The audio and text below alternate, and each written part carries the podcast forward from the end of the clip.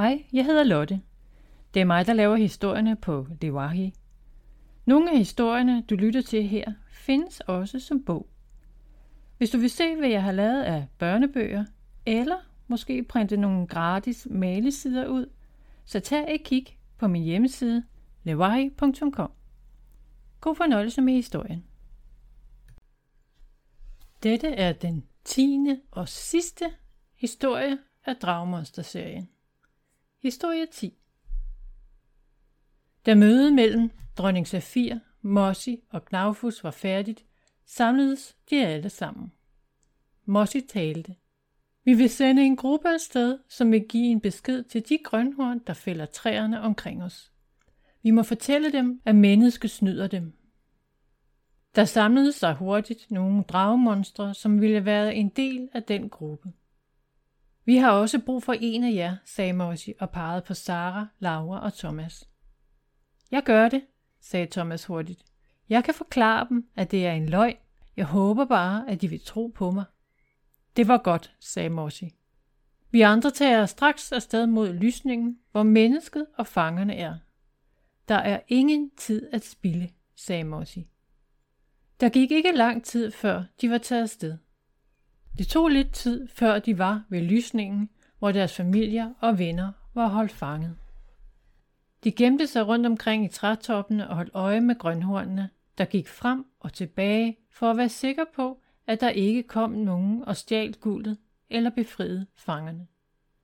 De rejsende genkendte deres familier og venner, der gik og arbejdede i lysningen. De kunne næsten ikke vente på at befri dem. Mossi gav svampedragmonstrene et tegn, og som en stor sværm af bier fløj de afsted. Et øjeblik senere viftede grønhornene med armene i luften, mens de forsøgte at ramme de svampedragmonstre, der bed dem. Det skabte en sådan kaos, at de andre kunne angribe. De fløj ind fra alle sider. Sara og Laura hjalp de fanger, der var ude og arbejde i lysningen, med at komme fri af deres lænker.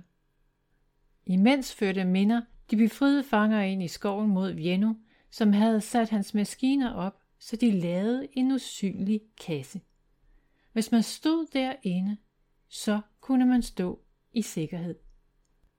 Da det var gjort, fortsatte de til fængselsstellen, hvor de brugte endnu en af Viennos smarte opfindelser til at få fængselsdøren åbnet, så de kunne få alle ud. Det var mest meget gamle eller meget unge dragemonstre, der var i fængselscellen. Da de enten var for unge eller for gamle til at arbejde. Sara, Laura og Minder førte dem til det beskyttende skjold hos Vienno. De kiggede på kampen foran dem. Klipstensdragmonstre var på jorden og kæmpede mod nogle af grønhornene. Ben Lang, svampe og loddentopsdragmonstre var i luften, hvilket gjorde det meget svært for grønhornene. Et lille loddentopdragmonster pegede mod himlen og råbte. Åh oh nej, flere grønhorn! En stor gruppe grønhorn fløj ind på kamppladsen. Men i stedet for at slutte sig til grønhornene, så stoppede de dem. Laura og Sara så Thomas gå ind i lysningen med den gruppe af dragmonstre, han var blevet sendt afsted med. Det var lykkedes dem at få grønhornene til at forstå, at hvad de gjorde var forkert. Grønhornene vidste nu, at de var blevet snydt af mennesket, og begyndte at fortælle det til de andre grønhorn. Lidt efter lidt stoppede kampen. Manden kom ud af bygningen med en maskine i hænderne. I er her for sent. Jeg har samlet maskinen, og selvom jeg stadig mangler en del, så kan jeg få maskinen til at gøre jer ondt. Men du har stadig brug for den sidste del til at kunne styre portalerne, råbte en. Ja, svarede han. Men jeg ved, at en af jer har den sidste maskindel med. I har gjort det nemt for mig, sagde han og gnækkede. Han trykkede på et par knapper på maskinen, og alle dragemonstrene begyndte at skrige, fordi det gjorde ondt i ørerne. Jeg stopper ikke, før jeg har det sidste stykke til maskinen, sagde han. Sarah, Laura og Thomas kunne ikke mærke noget. De blev vrede og fløj mod manden og begyndte at skubbe og sparke ham for at få ham til at stoppe. Men han trykkede på endnu en knap, og der kom et elektrisk lyn fra maskinen, som ramte dem alle tre og fik dem skubbet baglæns af energien, der opstod. Chokerede lå de på jorden. De prøvede at rejse sig, men det gjorde alt for ondt i kroppen. Troede I virkelig, at I kunne vinde over mig? Manden lå. Gennem dragmonstrenes skrig kunne man pludselig høre en kraftig, dyb kvindestemme. Stop dette vanvid. Jeg vil komme frem nu. Manden stoppede. Jeg vidste det, sagde han tilfreds. Langsomt gik dronning Safir gennem myldret af dragemonstre, der flyttede sig til side for hende, så hun kunne komme forbi. Hun stoppede et godt stykke foran mennesket. Giv mig den sidste maskindel, eller jeg tænder for maskinen igen, sagde manden. Hvorfor gør du det her? spurgte dronning Safir. Fordi jeg har brug for det, I har i jorden. Jeg har brug for guldet, sagde han. Hvorfor? spurgte dronningen. Så jeg kan blive rig, svarede mennesket. Rig på hvad? spurgte dronning Safir. Du ved, rig, et stort hus, eller flere huse endda, biler. Rig, så jeg kan købe, hvad jeg har lyst til, sagde han, og undrede sig over, at hun ikke forstod, hvad han mente. Ville det gøre dig glad? Spurgte dronningen. Selvfølgelig ville det det, svarede han. Hvad med at være rig på venskaber og på hvad naturen kan give dig, spurgte hun. Mennesket lå. Det kan jeg jo købe. Nej, det kan du ikke.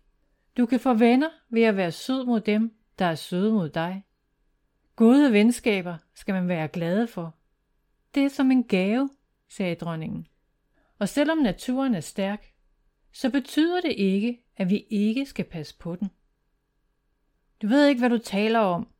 Jeg har fået nok af det her vås, sagde han og gik mod dronning Safir. Nej! Sara forsøgte at rejse sig for at stoppe ham, men hendes krop gjorde stadig ondt. Giv mig den sidste del til maskinen, sagde mennesket. Du kan ikke få den, sagde dronningen. Hvad? Men du sagde, sagde manden forvirret. Maskindelen er knyttet til mig, og du vil aldrig kunne få den. Ikke mens jeg lever. Alle dragemonstre forsøgte at redde deres dronning, men mennesket trykkede på knappen igen, så de alle faldt til jorden, fordi det gjorde så ondt i ørerne. Alle undtagen dronningen. Hun stod roligt og så på mennesket. Jeg forstår ikke. Hvorfor virker det ikke på dig? sagde han og skruede op for lyden på maskinen, så dragmonstrene gispede. Men dronningen kunne stadig ikke mærke noget. Stop, sagde hun. Eller hvad? spurgte han, mens han drejede på knapperne på maskinen. Eller du vil blive såret, advarede hun. Manden var forvirret. Hvorfor virker det her ikke på dig? spurgte han igen. Fordi jeg har min del af maskinen. Den beskytter mig, svarede hun og fortsatte. Dette er min sidste advarsel, menneske.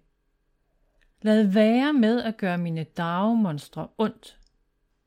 Slut med det her. Du spilder min tid, sagde manden utålmodigt og slog ud efter hende med en kølle. Men ramte hende ikke. I stedet begyndte jorden omkring dronningen at rumle. Manden stoppede. Hvad laver du? spurgte han nervøst. Dronningens øjne lyste op og skinnede stærkere og stærkere. Du vil ikke gøre os ondt mere. Du ville forlade os og aldrig komme tilbage, sagde hun i en rolig og dyb stemme.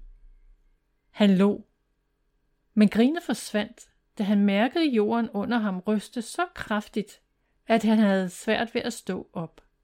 Han tabte maskinen, som gik i stykker, da den faldt til jorden.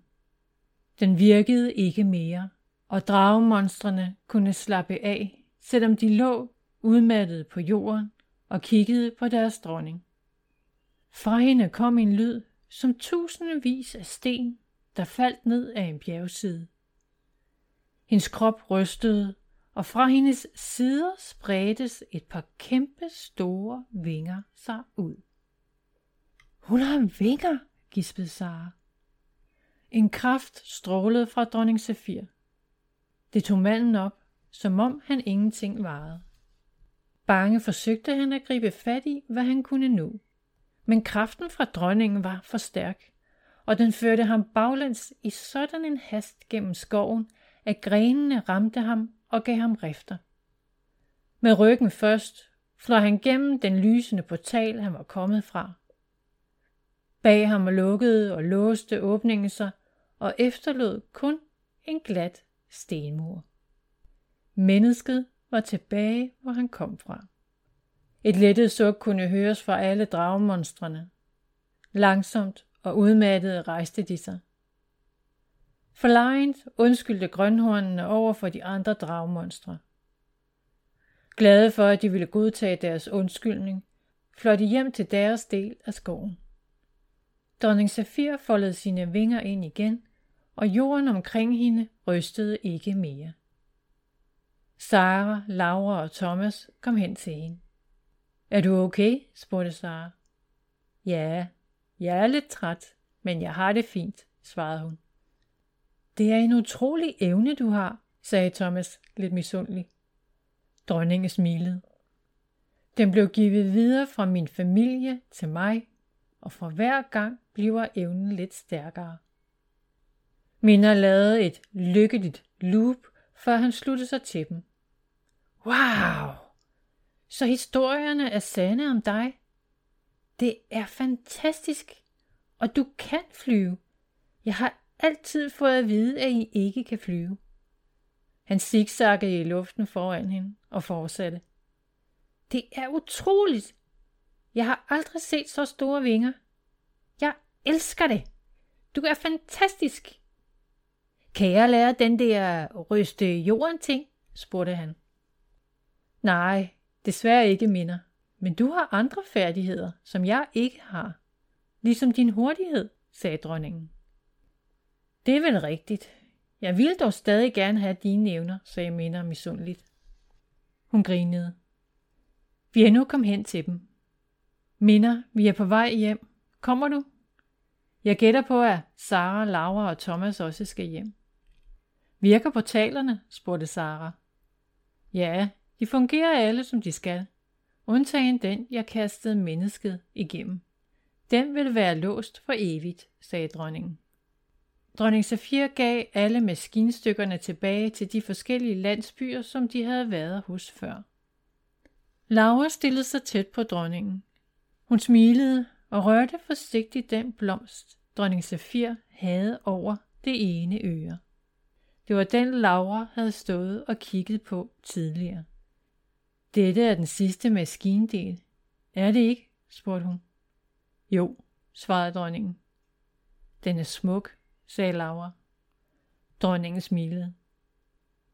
De sagde alle farvel og gik hver til sit. Vienno og Minder fulgte Sara, Laura og Thomas tilbage til portalen. Sara vendte sig mod Minder og Vienno. Kommer vi til at se hinanden igen? Eller vil portalen blive låst bag os for evigt? spurgte Sara. Efter alle de ting, der er sket for nylig, må jeg hellere låse den. Men jeg lover, at vi kommer tilbage og siger hej en gang imellem, sagde Minder. Thomas tog sine vinger af og gav dem til Vienno. Tak, Vienno, for at lade os låne vingerne. Det var meget sjovt at prøve dem. Det er en fantastisk opfindelse. Laura og Sara gjorde det samme. Selv tak. Jeg er glad for, at de fungerede så godt, som de gjorde, sagde Vienno. Ved min fars skaldede pletter, det er jo fordi, du er en fantastisk opfinder, sagde Minder glad. Vienno fnisede genert. Så sagde de farvel og gik igennem portalen. Sara lagde sig i sin seng, og Laura og Thomas på madrasserne ved siden af hende. Misa lagde sig ved siden af Sara og spændede glad ved synet af hende. Hun ædede Misa, mens alt hvad hun havde oplevet kørte som en film i hendes tanker. Ved min fars skaldede pletter. Jeg kommer til at savne dem, sagde Sara. Også mig, sagde Laura og Thomas i kor.